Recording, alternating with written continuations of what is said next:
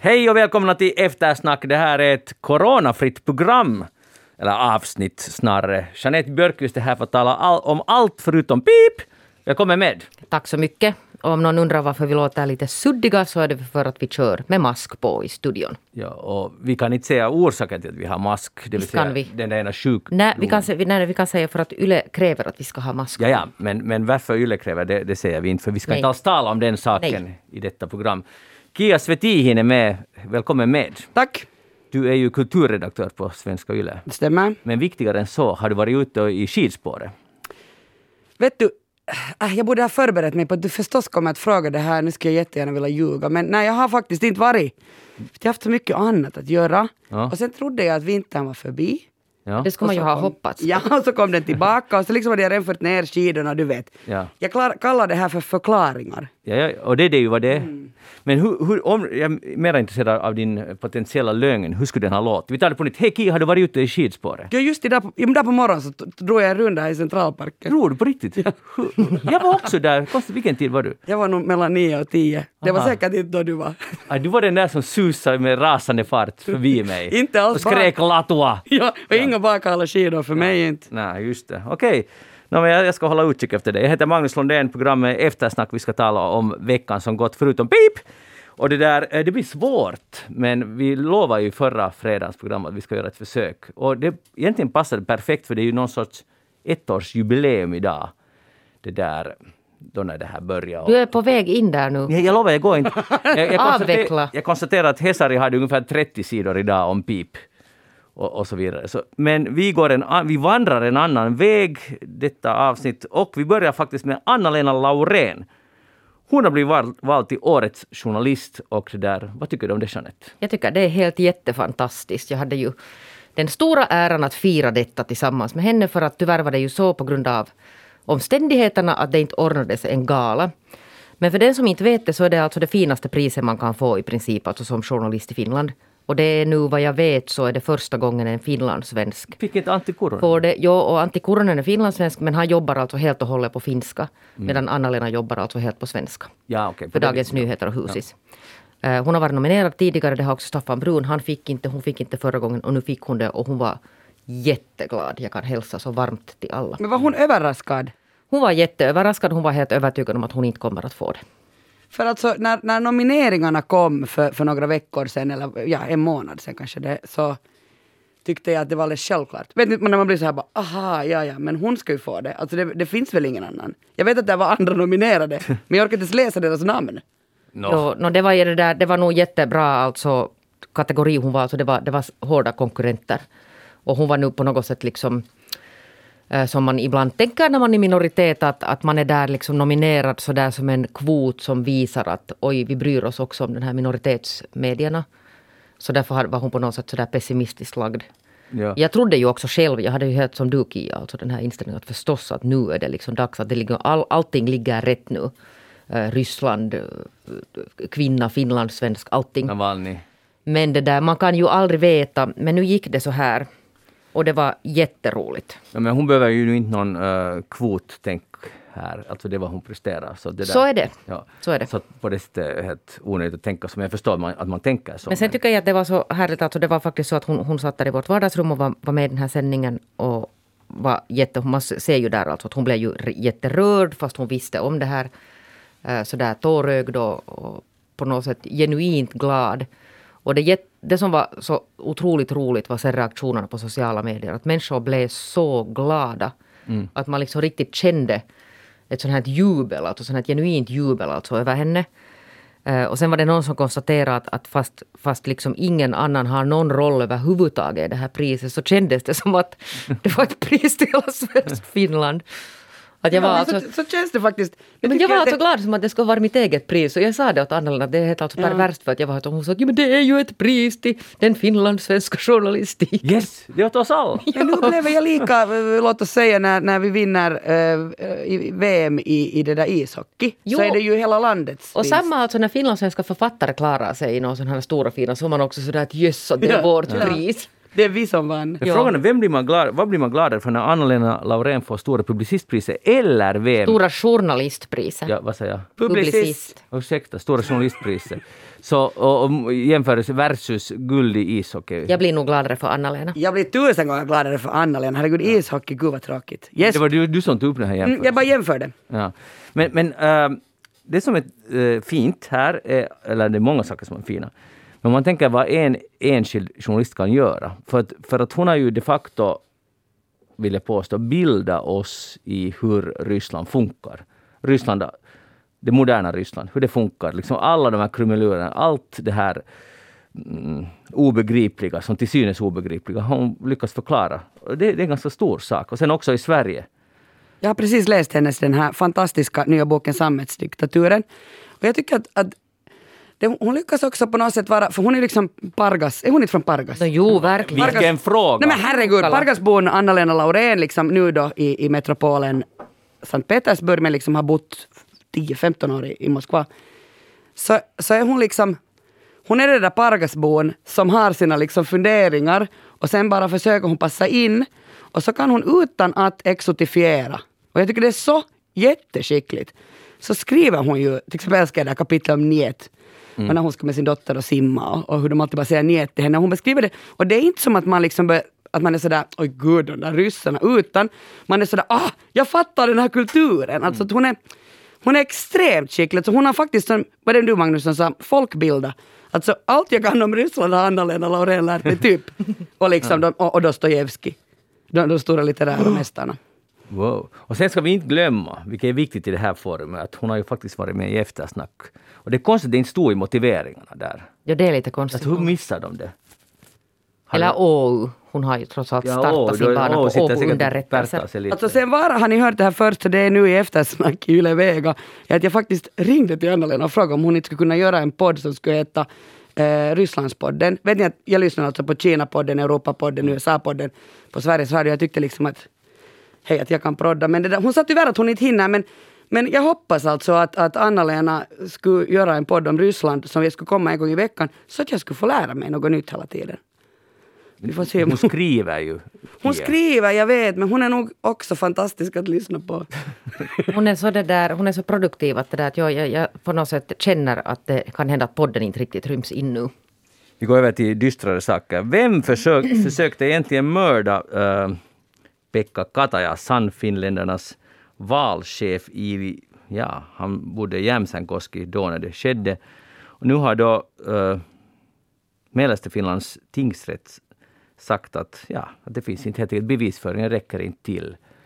Någon, två typer kom in till honom i somras med hammare och bankade honom äh, i huvudet helt enkelt försökt döda honom och det där. Och Finlands polis fixar inte det här. Och då är det antingen A inkompetent polis eller B. otroligt skickliga förövare som inte har lämnat bindande bevis bakom sig. Alltså det, jag tycker det är helt fascinerande hela den här historien. Och det är det som är ett politiskt mordförsök, skulle jag nu påstå att det, man kan kalla det här. Och det här blev nu olöst. Förstås kommer det att gå vidare till högre instans, men det där, har ni fått med det här caset?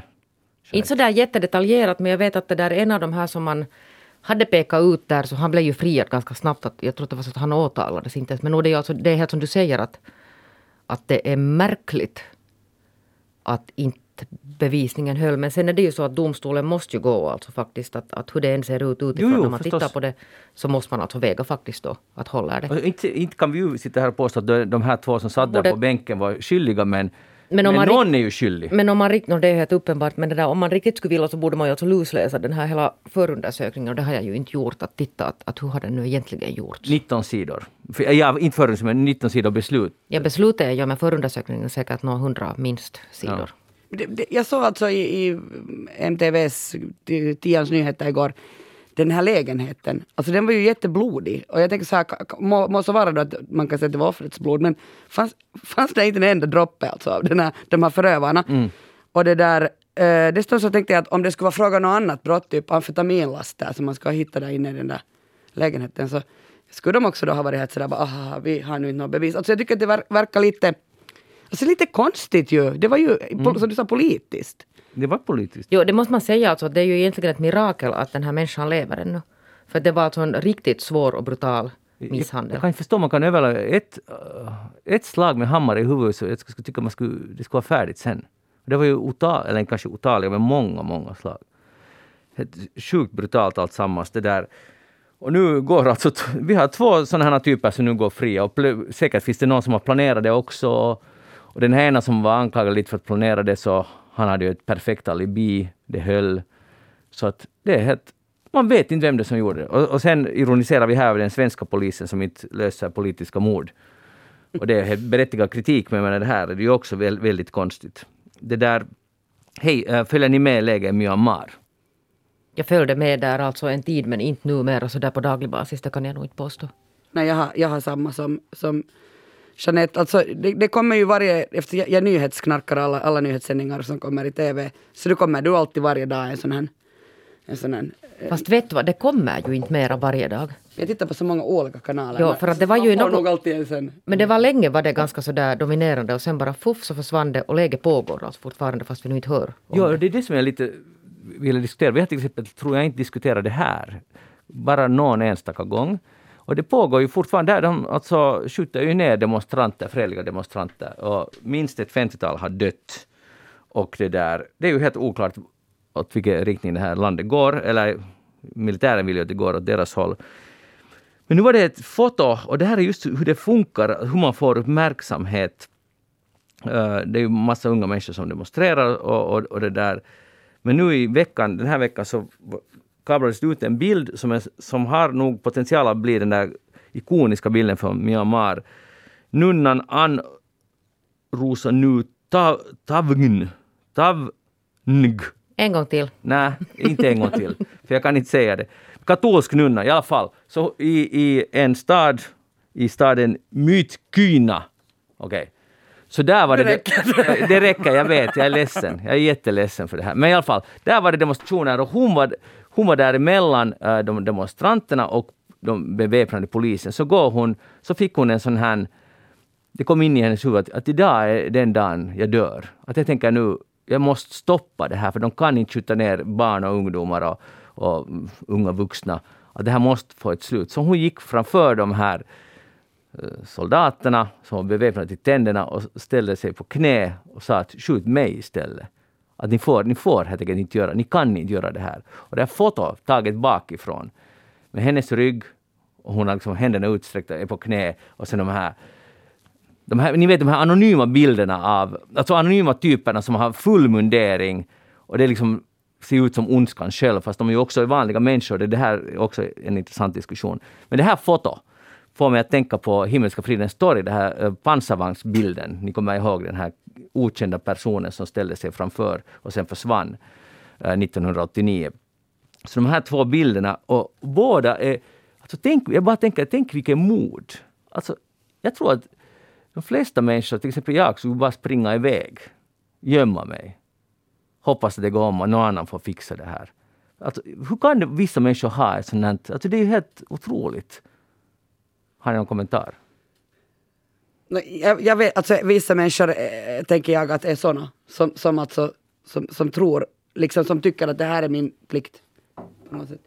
Jag skulle säga att jag såg, det här är nog länge sedan, då när det typ hände. Alltså hur länge sedan är det här? En månad? Det är flera månader sedan. Det är flera månader. Ja, men det här nunnan det var... Nej, utan överlag när, när liksom militärjuntan tog över. Är det en månad sedan? No, ungefär, ja. ja. ja. något sånt. Så då cirkulerade på det där som en sån här video av en ung kvinna. Nu vet jag inte att det är sant i alla fall, alltså är det fake news eller inte. Men jag utgår nog från att det var helt en riktig video. Där hon har en aerobic-timme. Och så ser man när någon filmar det så ser man det bara liksom när, när de kommer. De kommer in i stan. Alltså det är jättetidig morgon, ah. håller på och jumpar. Hon sänder det alltså live. Hon har liksom någon timme för någon. Så ser man bara det kommer så en tankbil efter tankbil, militären kommer liksom. Hon fortsätter för hon, hon märker ju inte, hon filmas. Jag antar att hon också filmar sig själv så att ingen kan heller säga att vänd om det. Det är helt absurt att se på det. Mm. Men, det där, okay, men hon är ju inte en, en hjälte som liksom är jättemodig. Hon har ingen aning om vad som händer där bakom. Nej, nej, men jag förstår kontrasten där. Ja, det är, jätte, det är jättemärkligt. Mm. Och, och jag funderade så jättelänge, att var är hon eh, ledaren Aung San Suu Kyi? Suu Men blev inte hon satt i husarrest igen? Husarrest och... Men vet man att hon lever? Jo, det vet Hon var ganska nyligen uppe i någon domstol åtalad för något bisarrt brott. Men, men i alla fall, det tystas, eller det tystas ju inte ner, utan vi bara glömmer det. det, bara, det om någon vecka, om det inte händer något jättespeciellt, så kommer vi, det kommer bara att feda. Helt som Belarus. Mm. Att de, de får nu fixa det. Och till exempel var förra veckan när oppositionsledaren från Belarus var i Finland, eller var det för två veckor sedan, och då, då träffade då, några högt uppsatta här, till och med Sanna Marin, och då sa, vad heter han nu som sitter, OSSE-chefen, kan, Kanerva, Ilka Kanerva. Jo, han, jag hörde honom intervjuad i radio. Han, han sa att när vi, för han, hon hade bett att Finland skulle vara någon sorts sån här medlare i Belarus. Och då sa Kanerva sa där i radion att nej, det, det, det, det är inte aktuellt. Att det, det är helt enkelt inte aktuellt. Och då tänkte jag, kommer ni ihåg i våra, i alla fall i min skolbok så stod det att Finland är på världspolitiken en läkare och inte någon som dömer andra. Att Finland liksom försöker alltid medla och fixa. Och det tänkte jag att det tycks inte gälla längre. Det är slut på den saken. Varför säger man att nej, vi, vi, vi ställer inte upp den här gången? Jag vet inte. Och jag tänker att det här går också förbi utan någon hemskt mycket, eller ingen diskussion vad jag vet. Aha, vi ställer inte upp. Ja, men okej, då, vi är inte med. Fast någon ber oss. För jag tänker ändå att, skulle, liksom, okej, eh, ni började, och Magnus och, och Jeanette började bråka. Och så det är fråga- Jeanettes fel. Ja, och så frågar tekniker så att, skulle du Kia kunna medla? Så inte skulle jag ju säga nej. Okej, eller skulle jag? Nej, men jag skulle faktiskt bli så här, jag älskar sånt här att, aj, tycker ni att jag skulle kunna medla? Alltså, jag vill bli tillfrågad. Ah. Och så, så blir jag liksom, alltså jag lever väl lite på det där att jag fick vara den här medlaren. Jag tänker, att kunde inte Finland tänka då så? Om du säger att, att det är så här, sån här bild vi har av Finland, att vi är liksom läkaren, medlaren. Så det är ju ett, alltså jag menar, vad gav Kanerva för orsak? Det är just det, det och journalisten ställer inte heller någon fråga. Den är enkla frågan att aha, men varför?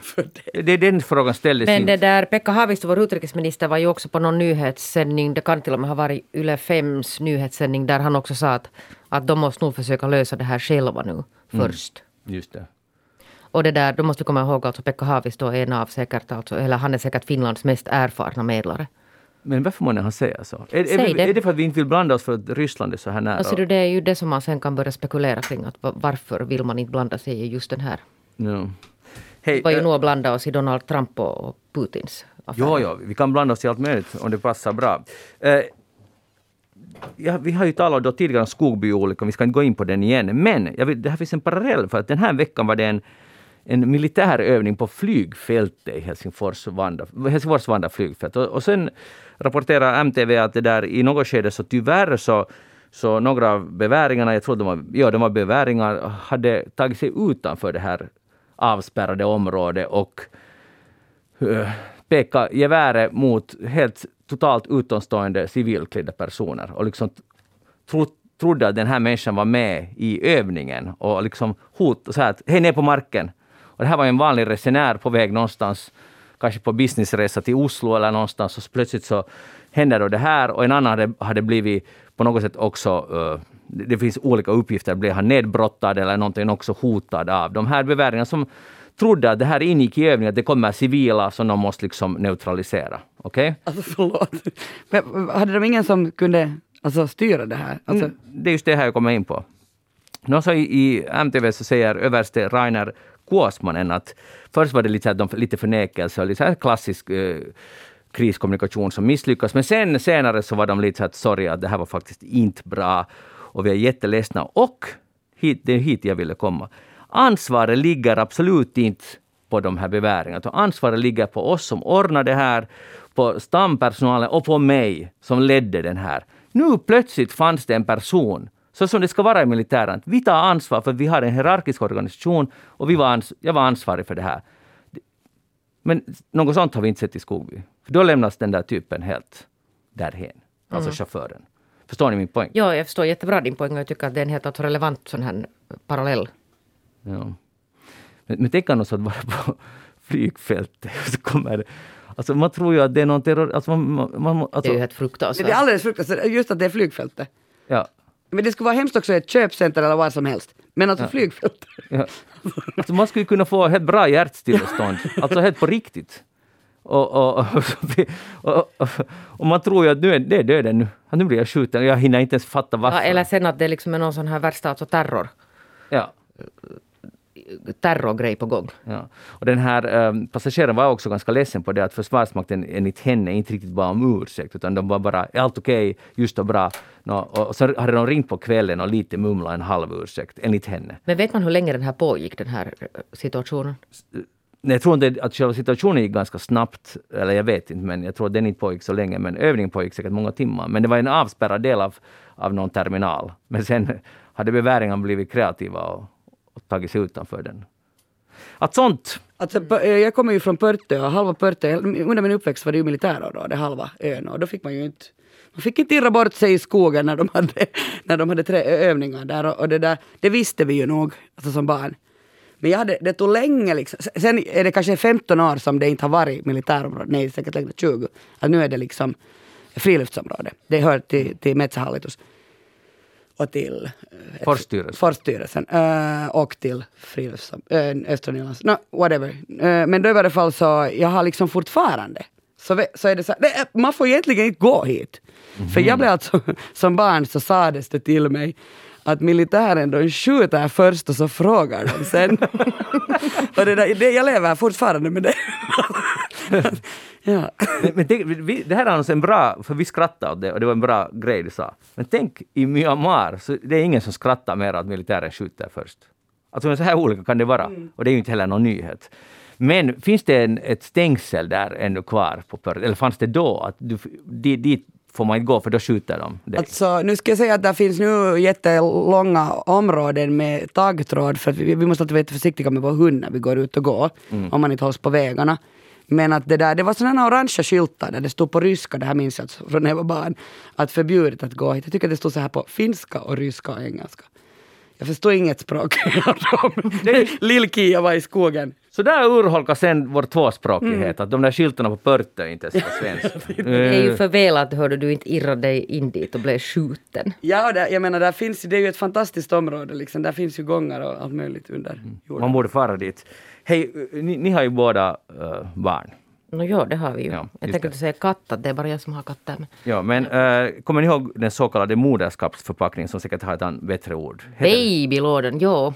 Ja. ja. För den firar det är någon sorts, nu kommer det ut en ny upplaga och jag hörde på Radio Suomi när jag var och åkte skidor, Kia, då när du åkte förbi.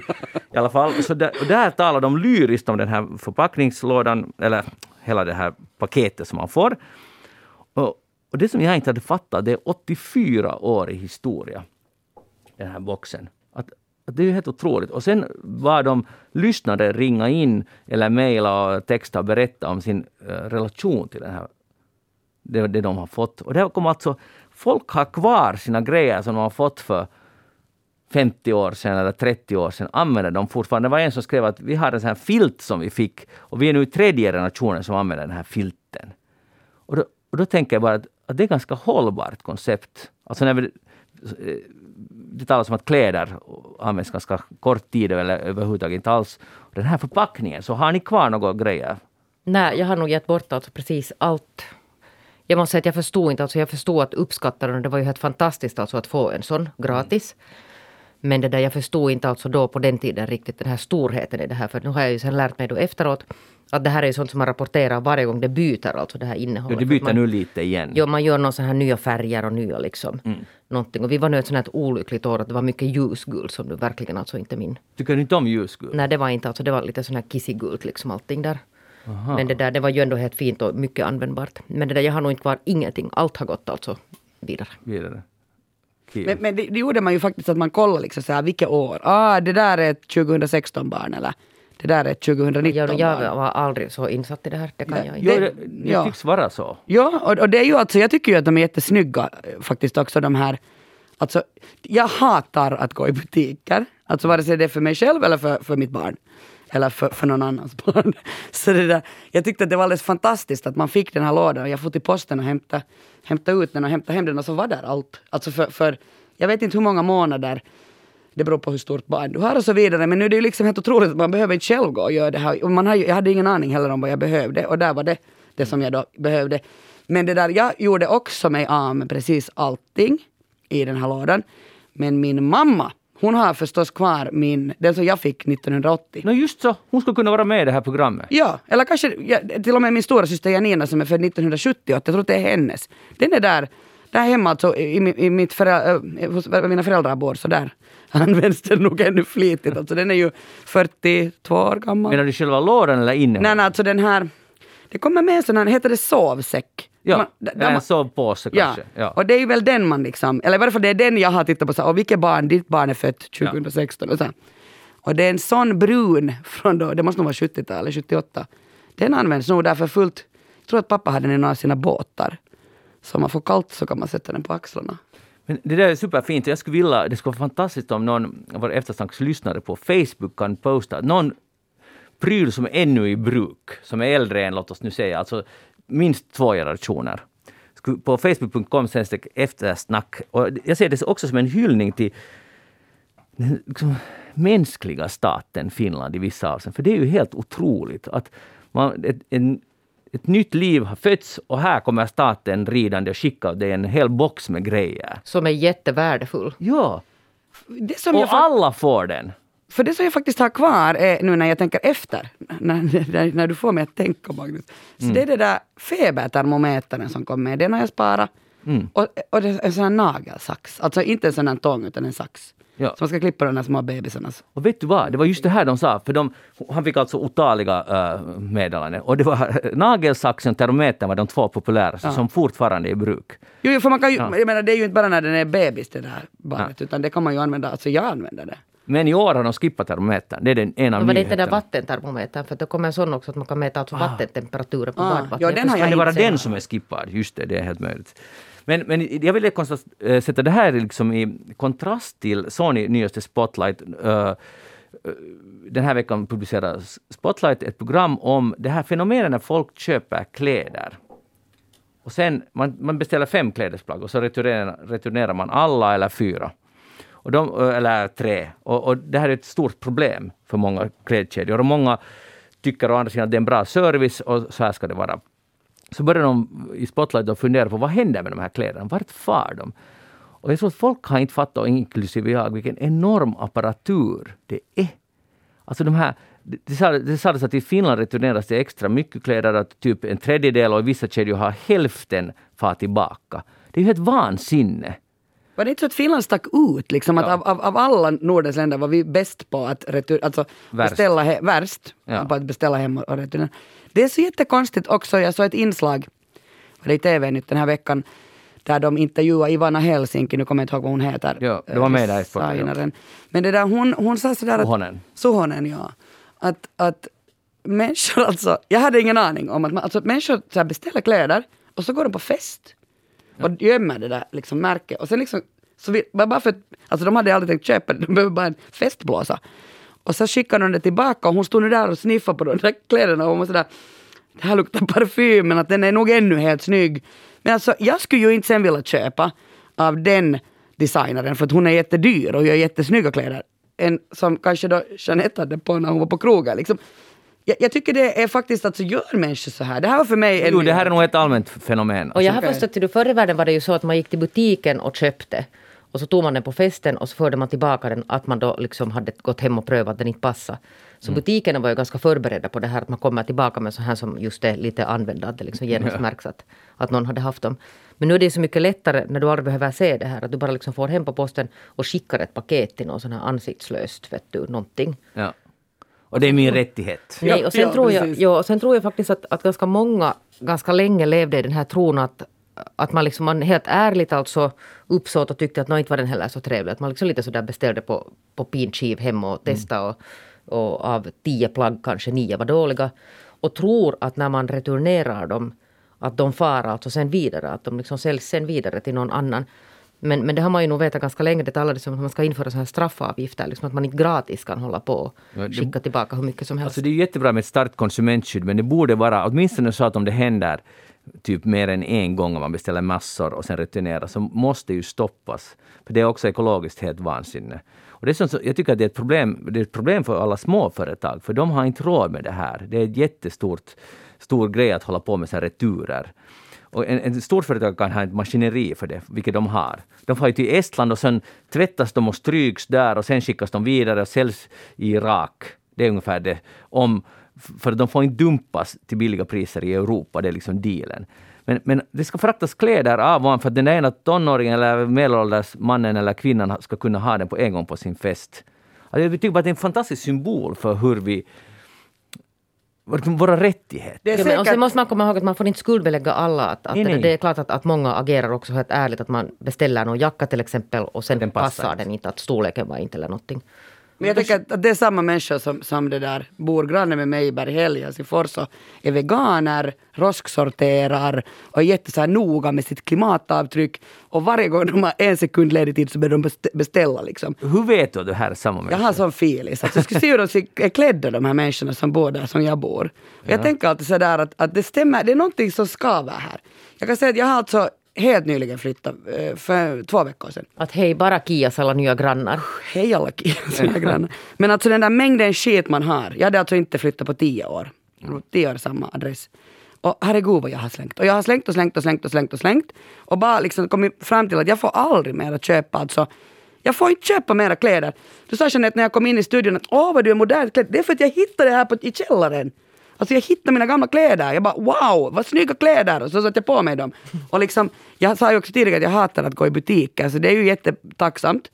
Men det där, nu vill jag ju ändå klä mig i, i några kläder någon gång. Men, men jag tycker ju nog att man kunde tänka efter och också i en sån här flytt så tänkte jag att herregud så stort eh, klimatavtryck. Jag borde bli vegan efter det här. Med tanke på liksom att, att man, man har man, det, det far ju en massa energi till att flytta. Alltså jag menar dålig energi, alltså också min energi. Men liksom, Men vad menar du? Men Alltså att, att, eh, du hyr en skåpbil? Eller vad? Ja, jag hade, och jag hyrde, hade flyttfirma för jag blev vuxen, jag hade inte min pappa att bära. Han var nog med, men han bar inte. Men så, så de skulle så här plasta in allt mitt skit. Jag bara så här, du sitter i min soffa. Du behöver verkligen inte plasta in den. Och det får massor med plast och det får massor med så här bubbel. Vet ni det där? Mm, vi vet. Jeanette nickar, för du har också väl flyttat nyligen. Men Jag har flyttat ganska många gånger så det är så asigt att flytta det var inte det jag skulle prata om men jag tänkte bara att, att liksom allt det där och sen har jag liksom lite rempa och bla bla bla. Och herregud vad det liksom tär på klimatet skulle jag säga. Shame on Och, me psy- och psyke också. Där det kom. Ja. Mest. Det är egent- egentligen bara negativt att flytta. Det är Ja. det är kontentan av din... Nej, för jag älskar min nya lägenhet. Det är din rättighet. Exakt så är det. Jeanette Björkqvist, vad har du tänkt på den här veckan? Nu hörde, jag har tänkt på att det där att, eller jag har lärt mig en sak som jag nu vill dela med. Jag har lärt mig att man kan alltså avslu, avsluta samtal på fel sätt. Alltså telefonsamtal. Telefonsamtal och nu är det tydligen så att, att de flesta av oss avslutar våra samtal på, rätt sätt, på fel sätt. Och det här har jag läst alltså i språktidningen i Sverige. Det har gjorts någon undersökning som visar att 98 procent av alla konversationer som avslutas så lämnar någondera missnöjd. Att man alltså helt enkelt avslutar. Man Va? pratar, jo, man pratar alltså i telefon och så kommer man alltså till den punkten när man ska alltså börja avrunda. Och det här är nu då någon helt egen alltså konst som jag inte har förstått att, att det finns liksom vissa sådana här... Det är som en sån här, sån här där koreografi hur man ska göra där man måste vara jättelyhörd. Att hur gör man det på rätt sätt så att inte någon blir kränkt. Vet du, det att, att det inte tar för länge att avsluta det, att, att, att den andra som, om vi talar då Magnus i telefon, och jag börjar liksom lite ge signaler om att nu skulle det vara dags att avsluta och du bara fortsätter prata och inte hör mina signaler, så då kan jag vara jättemissnöjd. Eller sen att man gör det för abrupt. Och det här är nog alltså en sån här konstgren som jag aldrig hade förstått. Och sen när jag började sitta och analysera att, att hur avslutar jag egentligen mina samtal, så insåg jag att jag är säkert jättedålig. Jag, vet, jag, jag kan berätta hur du avslutar. Jo, jag säger att nu, att nu hinner jag inte mer. Nej, alltså, ja, alltså, du har ju, jag har lärt mig ganska bra att läsa av när du har bro, brådis. Och då är det liksom, det kommer så här, först någorlunda vänligt, muka ännu, du är engagerad och sen blir du allt mer så där liksom tvär och, och, och, vill att det här samtalet verkligen ska ta slut. Och du hör inte. Och jag hör inte, och ibland så triggar det mig för jag tycker att jaha, nu tycker jag lite vara lite pratsam här. det är jätteroligt. För att jag vill få en bra känsla av det här samtalet i motsats till dig. Men sen har du en sån här som ingen annan människa har. I slutet av samtalet så kommer det så här moj, moj, moj, moj, moj, moj, moj, moj. Det kommer 20 gånger moj. Vad är jotton med det? Jag skulle vilja veta det. Nu när vi, du, du tog nu upp det här. Ja, men det där har jag lärt mig av mina finska vänner, för det är också mamma, mamma, mamma, mamma, mamma, mamma, mamma, mamma, moj. Men vad är syftet? Inte vet jag. Du vill få sista ordet. Det kan hända att det är något sånt. Sista mojen. Eller sen är det sådär jo, jo, jo, jo, jo, jo, moj. Ja, det Och sen kan vara så också. Men det här var Sverige. Alltså för det svenska. Det är svenska och jag är nog ganska säker på att det, det gäller nog sådär. Jag tycker att de är bara så känsliga med allt. Man får ju inte liksom... Allt, på vilka sätt man än säger någonting tycker jag. Nu pratar jag alltså om mig Men själv och mina svenska släktingar. Men nu hörde du genast att den här Magnus kände till den här alltså. Att jag försöker skicka signaler och jag är sådär lite stressad och han, han bara struntar i det. Mm, jag tycker det, det, det är jätteroligt. Jag blir glad nästan när du Jag, jag, försöker. så, jag är sån som alltid alltså, jag, jag vet inte om jag vill ha sista ordet, men jag kommer alltid på något till jag nu vill säga. Just det. Så när, när man då säger hej då till mig, så här, okej nej, men vi gör så hej då, då jag så här, och jag kan ännu säga tut. Och det är alltid, så tror jag att mina, mina vänner och min familj har lärt sig att det är inte så viktigt det där sista jag säger, för ingen ringer någonsin upp eller frågar vad det var jag ville säga där ännu. När jag ropar ut något sådär. Kom Aha. ihåg tut. Men det är alltså det där, det är inte alls några lätta grejer nu har jag förstått. Alltså jag hade aldrig uppfattat att det här är ett problem, men det här är ju tydligen ett problem som vi alla måste jobba med. Och sen en annan sak som är också sån här som jag har tänkt på det här när man skickar meddelanden åt varandra, vad det nu sen, sen är då via vilka WhatsApp, sms. Att hur man kvitterar. Förstår du? Att jag Mm. det är ju en skickar någonting åt det och det är en klassiker alltså det här att, att den allra, allra, allra värsta, alltså värre än att bli ihjältigd är OK med små bokstäver. Och inte punkt och inte Och inte punkt, ingenting och inte stor, liksom, inte, inte ett stort utan med små bokstäver OK. Ja. Det är jätte alltså på något sätt kränkande. Ja, det, och jag är glad att du upp det där också, för att är det... Är, för jag har funderat, alltså är det så att det är samma sak ungefär som att säga, förlåt jag svär men tack så satan. Är det, är det liksom, är det egentligen en liksom att man är jättearg på den där som... Man säger, man måste Så det, det, det känns hemskt irriterat sådär att, ja, att den här... OK. Men är, det, är vi säkra på att det är det, Nej, det vi är inte alls säkra utan tvärtom så är det ju antagligen så att många har kanske sin telefon sådär att det är liksom lättast att de skickar OK. Och inte menar alltså någonting mer. Mm, Sen kan man börja läsa in en massa saker och missförstå varandra på det här. Men då skulle det vara, för att det där lilla, lilla utropstecknet där signalerar att man är jätteengagerad. OK, så gör vi! Men om det är bara OK. Då ska det vara Ja. tummen upp. Jo, alltså jag, jag svarar ju aldrig nu för tiden alltså bara OK utan alltid någonting, lite någonting mera. För att säga- Kanske för mycket ibland. Jag svarar alltid OK. Jag hade ingen aning om det här. Och jag tänker bara, eh, förra veckan när ni hade Anders Helenius med er, så han pratade ju om giffar och hur man missförstår. Och det där, jag har till exempel, um, ja under lång tid använde jag liksom färgade tummar. Och färgade emojis. Tills jag läste att nej, nej, det får du inte göra, då är du en rasist. Och nu har jag liksom, jag, jag, jag tar som Anders säger, att jag liksom, jag har slutat använda faktiskt överlag emojis för jag är så rädd för att jag gör något fel. Eller liksom sätter fel, sätter en persika eller en äggplanta dit liksom av misstag. Alltså för att jag menar faktiskt frukten. Nej men ni vet vad jag menar. Eller Men- grönsaken. Ja. Eller grönsaker. Men, men det där... Eh, jag tycker att det där är ju liksom bara i den som... Alltså, det är ju din, det är ju din värdering då. Att du blir arg, för jag svarar alltid OK. Alltså då är det ganska tydligt. Med små bokstäver utan något annat. Punkt. OK, Ja. punkt. Eh, men det jag tycker... Den där punkten ger en lite Det ger mer. lite trygghet. Aha, ja. okej. För det värsta jag vet är när man inte alls svarar. Det Ja, det är också, jo, nej, det, det är nog... Det är ju shit still. jo, det Ska är man OK. OK? Alltså det, det, ham, jo, men det, hamnar, det hamnar man ju, alltså det är ju lite som sån här att hur avslutar du ett samtal, att det liksom drar ut i evighet. Så det kan ju också ha, man kan ju hamna in i någon sån här, Ja. att man börjar OK liksom sådär av och an och av och an och sen kommer det liksom ännu någonting till och så är man sådär att ah, kan vi bara sluta det här nu? Exakt. Jag, jag hör ju nämligen till dem som jag tycker att OK ska man använda mycket sparsamt. Bara när det faktiskt behövs en bekräftelse. Att det är viktigt att, att jag har förstått att Jeanette har förstått. Annars så kan man väl utgå ifrån att det här meddelandet har gått fram. Men Det kan man ju så du inte. Så du svarar med tystnad? Ja. Han är en av dem.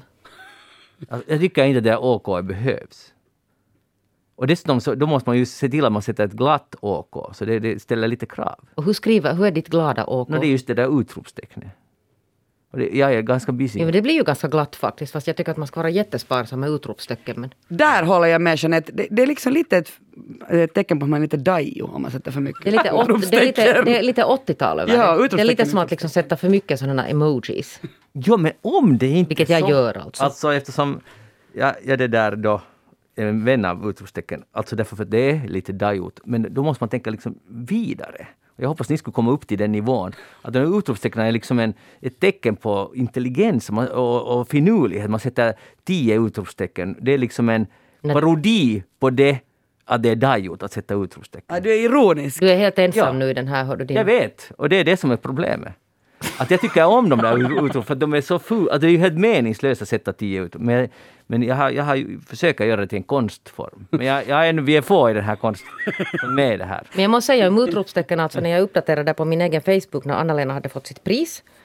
Så satt jag, där var fyra utropstecken och sen för att markera att jag verkligen inser, för att jag är jättesparsam, alltså jag använder nästan aldrig utropstecken, så skrev jag ännu sen ut utropstecken och ett utropstecken. Ah, du ville inte bli tagen för en, en, en dajo då? Nej. För en Magnus Lundén. För ja, det skulle Ja. det värsta.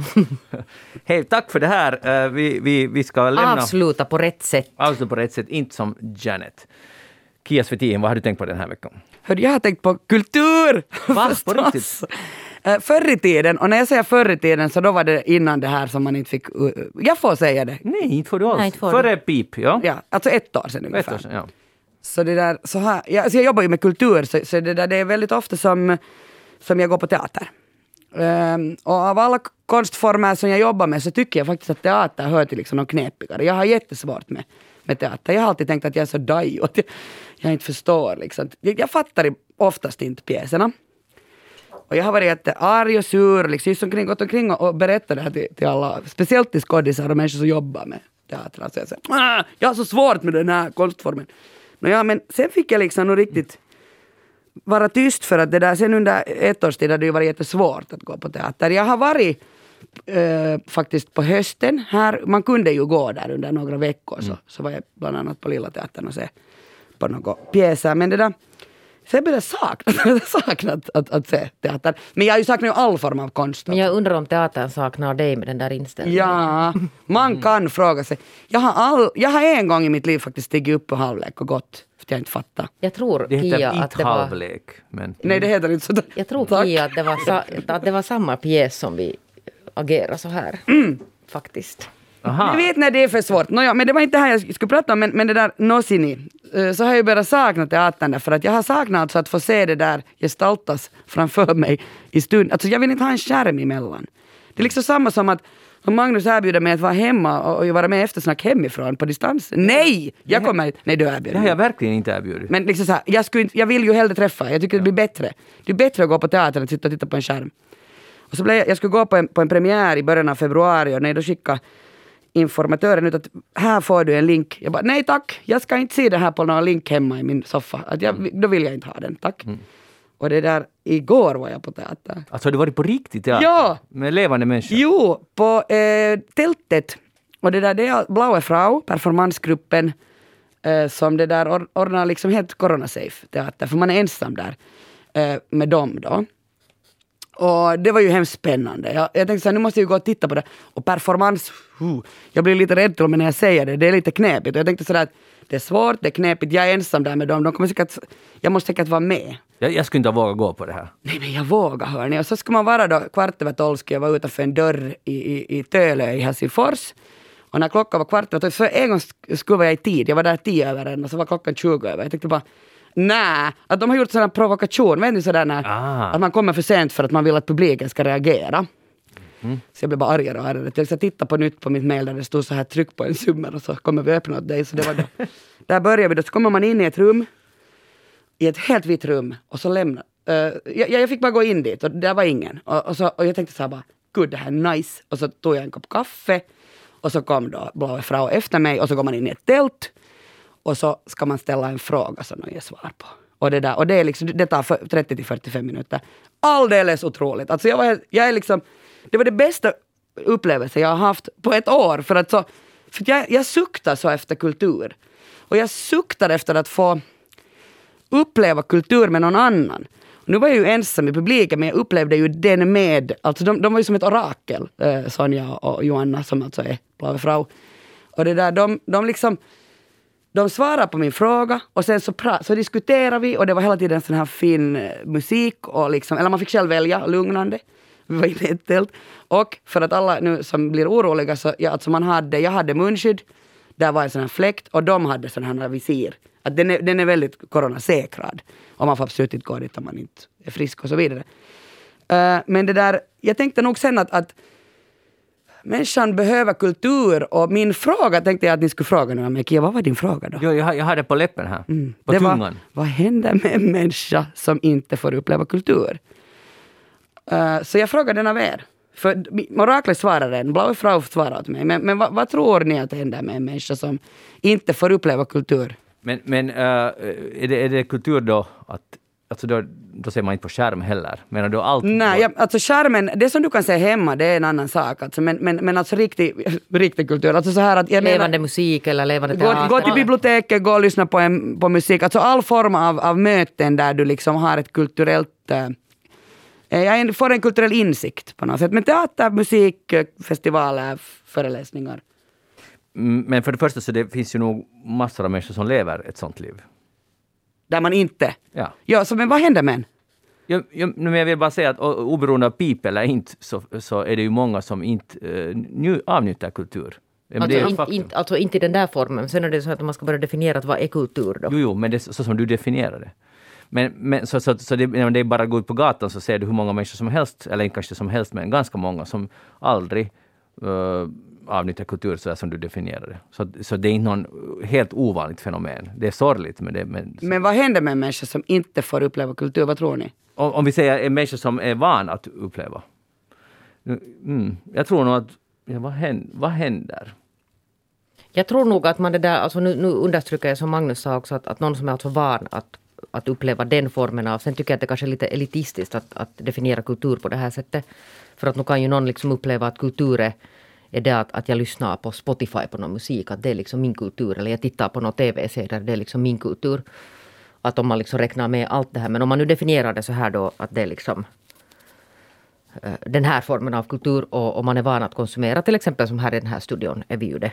Så, så jag tror nog att man utarmas själsligt jättemycket och jag är helt otroligt bedrövad över det här. Eh, att teatrarna är stängda till exempel och jag vet att eh, musiker alltså är otroligt bedrövade över det att de inte får spela för publik just nu. Ja, men vi skulle inte tala om... om Men- men- men, men, jag vill säga vad jag tror att händer. Att jag tror att eh, många känslotillstånd går helt förlorade. Man får aldrig uppleva den där totala berusningen av, av liksom, vad ska vi kalla kulturlycka. För om man går på en väldigt lyckad föreställning så det bär ju en framåt i en lång, lång tid. Eh, och att se människor lyckas förmedla det här så ger en själv någonting som man kan inte få det på något annat sätt. Sen kan man ju också bli rasande för att någonting var, som inte funkar för en. Men- och det är också en härlig känsla. För det är det som jag har lärt mig liksom kanske först nu. För jag blev ju rasande när jag inte förstod uh, olika pjäser tidigare. Alltså det är det som är kulturen. Alltså att jag blir rasande. Alltså det, därför att det lämnar spår i mig. Och, och, och jag, givetvis man kan säga det alltså som elitistiskt men jag menar alltså all form av konst. Alltså att du, att du går till biblioteket eller att du jag vet inte, träffa någon och bara prata med den. Alltså för det, det, som, det som jag tyckte att, att var så fint att, att du ser tillsammans på någonting som gestaltas rakt framför dig. Och det, där, det som Blaue Frau svarade var att man blir förstummad. Liksom, för, jag, sa, jag var så här, fördummad, nej förstummad, att man kan liksom inte prata mera om man inte får kultur. Men det, där, men det som jag märker att som är jätteviktigt för mig, jag är en ganska aktiv person, alltså jag har jättesvårt att fokusera och leva i nuet är att teater gör att jag kan vara närvarande. Det är alltså ungefär, jag har jättesvårt att vara närvarande, men nu är jag närvarande. Men, men jag är direktsändning, men det kan man ju inte vara hela sitt liv, det skulle vara jättetungt. Men, det där, men att, så att, jag, att jag sitter och tittar på en teaterpjäs och så här, nu måste du fokusera och koncentrera dig. Och jag tror att det är det jag har saknat.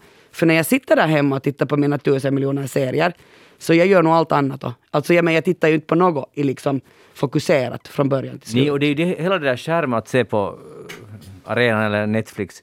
Så där håller jag verkligen med dig, att det är inte full närvaro. Alltså det ska vara extremt bra för att man ska vara fullt närvarande. För det finns, för det första är skärmen inte så jättestor kanske om man ser på, på dator och, eller hur man gör, men det finns ändå det där rummet omkring. Vilket på teater är man ju helt uppslukad av den här scenen. Eller musik, en konsert. Så jag håller med dig, det är, det är inte full närvaro. Det är, det är en bra analys. Jag ska nu alltså, jag vet att det här, jag är privilegierad på det sättet alltså att jag ska titta på Nomadland som är den här Golden Globe-vinnaren. Och det där, då blev vi erbjudna också att vill du ha en länk till den här pressvisningen eller vill du gå och titta? Och där, då hade de gjort att så är det fem olika tider, det kom in sex personer i, i den där största biosalongen. Och det där, jag valde faktiskt den här gången att gå på bio, därför att jag, jag är rädd att jag inte orkar titta på den när jag tittar hemma. Alltså jag behöver göra något annat. Lyckans ost som får gå på bio. det Jag behöver, ju inte sitta här och tycka synd om mig nu liksom för att åh, jag måste uppleva kultur. Men, men det här, för jag tänkt på det. Jättebra. Uh, och det är någonting man kan fundera på. Snart, en vacker dag, så kan vi säkert gå igen. Eller vi kommer att kunna gå igen, så det, det är väldigt positivt. Hej, ehm, nästa ärende. Hur, hur mycket frukt och grönsaker äter du Jeanette? Jag äter nog jättemycket frukt och grönsaker. Äh, Men hur mycket? no, jag mäter ju inte, jag har ingen våg där hemma, men varje dag. Nej men liksom äter du två stycken? No, minst två stycken varje dag alltså. Okej. Kia? Jag har börjat köpa sån här jättedyr apelsinjuice som Ja, pressas. den där som fr- färskpress. Ja. Vet du vad Kia? Du att- har hämtat in den i mitt liv. Ja! Jag har blivit helt beroende. Ja. Det var ju inte dig då, det var till ditt barn. Men, Ja, men jag drack upp den. Den då. Men jo, jag dricker varje, alltså jag köper varje vecka. Eh, Det kostar nog över fem euro, eller runt fem. En sån här en liter apelsinjuice. Ja. För det är mitt C-vitaminsintag, har jag tänkt. Men jag har jättedåliga nyheter för dig. Aha, Just för dig, inte för Jeanette. förstås. För nu har de i USA, nu, nu är här liksom definitiva, definitiva sanningen, hur mycket ska man käka?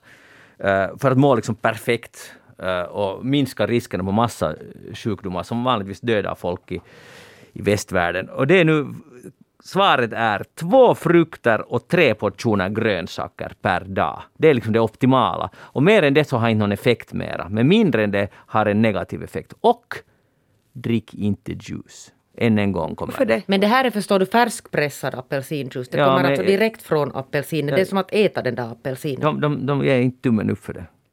Jag tänker att det händer det någonting månne när man pressar den, att det blir mera sött. Den är ju processerad ändå. Det är, nu- det är ju inte samma sak som riktigt egentligen. Men inte den processerad, det kommer alltså av de här apelsinerna som ligger där. Det är samma som att du köper apelsinen hem och pressar den där i din lilla press. Alltså, som, jag, Alltså det är inte alltså juice, vet du, förstår du? Det är inte juice på burk Jag förstår. som finns att, jag förstår. Ändå gör jag fel. Nej, jag, alltså Kia, jag tror Jag är inte... glad att kunna säga att Jag är, Kia- Kia, jag är Kia på din sida här nu. Han förstår Je inte. Han, suis Kia. han, ja, je suis Kia. Han förstår inte vad vi pratar om Jag ska hämta åt dig också apelsinjuice. Men, men Kia, i alla fall, vi kan säga att det blir jämnt spel med de där frukterna. Men grönsakerna, där, där, hur är det nu med tre portioner grönsaker? Jag äter jättedåligt. Alltså jag äter, så, jag äter en gång varmmat och då äter jag grönsaker. Så jag äter en portion grönsaker per dag. Okej, okay. där har du lite att bita i då. Det var också fel. Men du själv då? Nå, alltså två frukter, det, jag började ju skryta om mitt morgonmål här i förra som jag inte fick när Anders stoppade mig i tid. Men, men två frukter lätt och tre portioner grönsaker, det är nog inte kanske riktigt säkert att det blir det. Jag skulle säga en till två portioner. Så jag är också lite under. Du är, du är en rollmodell för oss alla. Men du äter ju bär och det är ju också hälsosamt. Bär Det har de ju inte att räkna in där. Nej, bär och frön äter jag också. Bär och, det är jättehälsosamt. Man. Hej, alltså, du hade ju då, alltså det där, de som har missat det, så du har ju gått och utgjutit dig om din frukost där i alla fall. På Facebook. På faktiskt lyssnarens direkta fråga. Ja, jag, jag väntar, jag var snälla kan inte någon lyssnare fråga om i min fru... Och där kom en snäll lyssnare som måste ha hört mitt rop på, på hjälp. Och, så fick jag skriva. Så det finns på facebook.com eftersnack för de som är intresserade. Och jag vet är förra veckans ja, länk. Hej, eh, jag var i, på sportlov i Jämse. Och det där så bodde vi på ett lite mera eh, förmånligt ställe, ett gasthouse som var från en svunnen tid, eller närmare bestämt var det jätterysk-influerat. Tiden hade stannat plus att det var, kändes som Ryssland. Och jag menar det här är på ett sätt som en charmig observation. Men i rummet bredvid bodde eh, en familj som eh, hade hund, två hundar. Och i Jämsa är det ganska nära till Himos. Uh, och det var också därför vi var där uh, och slalom och, och lite flata. Nåja. Och de får på dagen, eller efter att frukosten var serverad, så åkte de iväg och lämnade sina doggar där i rummet. Och så började en sån här oändlig uh, voff, voff och krafs, krafs och gnällande. Så här, alltså hundar som gråter helt enkelt hela dagen. Och nu är min fråga, eftersom jag har jättelite kunskap om hundar. Men alltså det Får där... man göra så här? Ja, det är klart man får göra det. Får man? Ja, I Sverige började de sen lagstadga det här om att hur många timmar en hund kan vara ensam. Men det där, nu är frågan att pratar du med dem om det här? För att en del hundar klarar det här riktigt bra och andra hundar klarar inte. Och många gånger så är det så att ägaren känner inte till hur den här egna hunden reagerar. No, alltså, vi, vi gjorde... Alltså eh, de, här, de som driver det här gasthuset hörde själv med och de blev ju lite så här förskräckta och sa sen till. Och sen var det slut. Sen tog de med sig, jag blev där. Jag vet inte hur det löste sig på något sätt. Jag vet att ägaren kan inte alltid veta, jag förstår det. Men, men vad jag menar, jag tänkte bara att om man skulle höra en människa som är så här ifrån sig, så man skulle aldrig kunna lämna en människa ensam i ett rum som är så där bestört. De har liksom ett oändligt gnällande i många, många timmar och jag har inte något blött hjärta för hundar, men jag tyckte verkligen synd om dem där. Men jag undrar bara, som hundägare, är, är, det här, alltså är det normalt? Gör man så här? För det är ju ganska hemskt för de här djuren. De var ju olyckliga. Men det finns ju, alltså, vad jag har förstått så bostadshusen är fulla med sådana hundar som är jätteolyckliga. Aha. Så, alltså som inte helt enkelt klarar ensamhet. Och när du sa lagstadgad tid man får ha lämnat hundarna Ja, det hemma, fanns alltså så någon vad är det här då? max, alltså jag kommer in, nu, nu borde jag alltså ha kommit ihåg det här, men jag tror att det var nå- någonstans alltså i Sverige, alltså var det lag eller var det alltså, men någon sån här i alla fall, sex timmar tror jag var den här max. Och så det, det ställer ju till sig med en massa problem om man jobbar och har en hund. För att många jobbar ju alltså då till exempel åtta timmar. Och då är ju hunden alltså ensam åtta timmar. Och det har talats alltså om motsvarande sådana här direktiv i det här landet också. Intressant. No, alltså, det här är något som vi också gärna diskuterar på facebook.com eftersnack. Hej, tycker ni att snöflingor, har ni har sett sådana, man gör sådana dekorationer som man kan hänga i fönstret med en förstorad snöflinga. Jo, Mm. Tycker ni om dem? nå det där, är det inte sån här som man har barnen att göra? No, jo, jo, såna, så, men, men det finns också sådana i glas. Vet ni? Ah, ja, no, det vet jag ingenting om. Alltså, jag har väldigt svårt med allt som man hänger i vägen liksom, i fönstret. För jag vill titta ut och, och, och, jag har faktiskt ingenting emot att man tittar in. Mm. Så jag tycker det är jättejobbigt. Ja, att, jag tycker inte att det är snyggt. Det är inte okej. Nej, alltså Det är inte okej. det är inte okej. För, för att, ja, ja, alltså, om man tänker på snöflingan, ni vet ju den här, det finns ingen snöflinga lik den andra och så vidare. Och nu finns det, jag läser om Kenneth Librecht som är professor i Kalifornien. Och han, har, han har egentligen ägnat sitt liv till att fotografera snöflingor. Och det där, och Eh, det, är fascinerande, alltså hur är det möjligt att snöflingor ser ut som de gör? De är, det är helt otroliga konstverk. Han har alltså fotat dem, fast, fattar ni, med enorm förstoring. Han har en miljon pixel på sin kamera.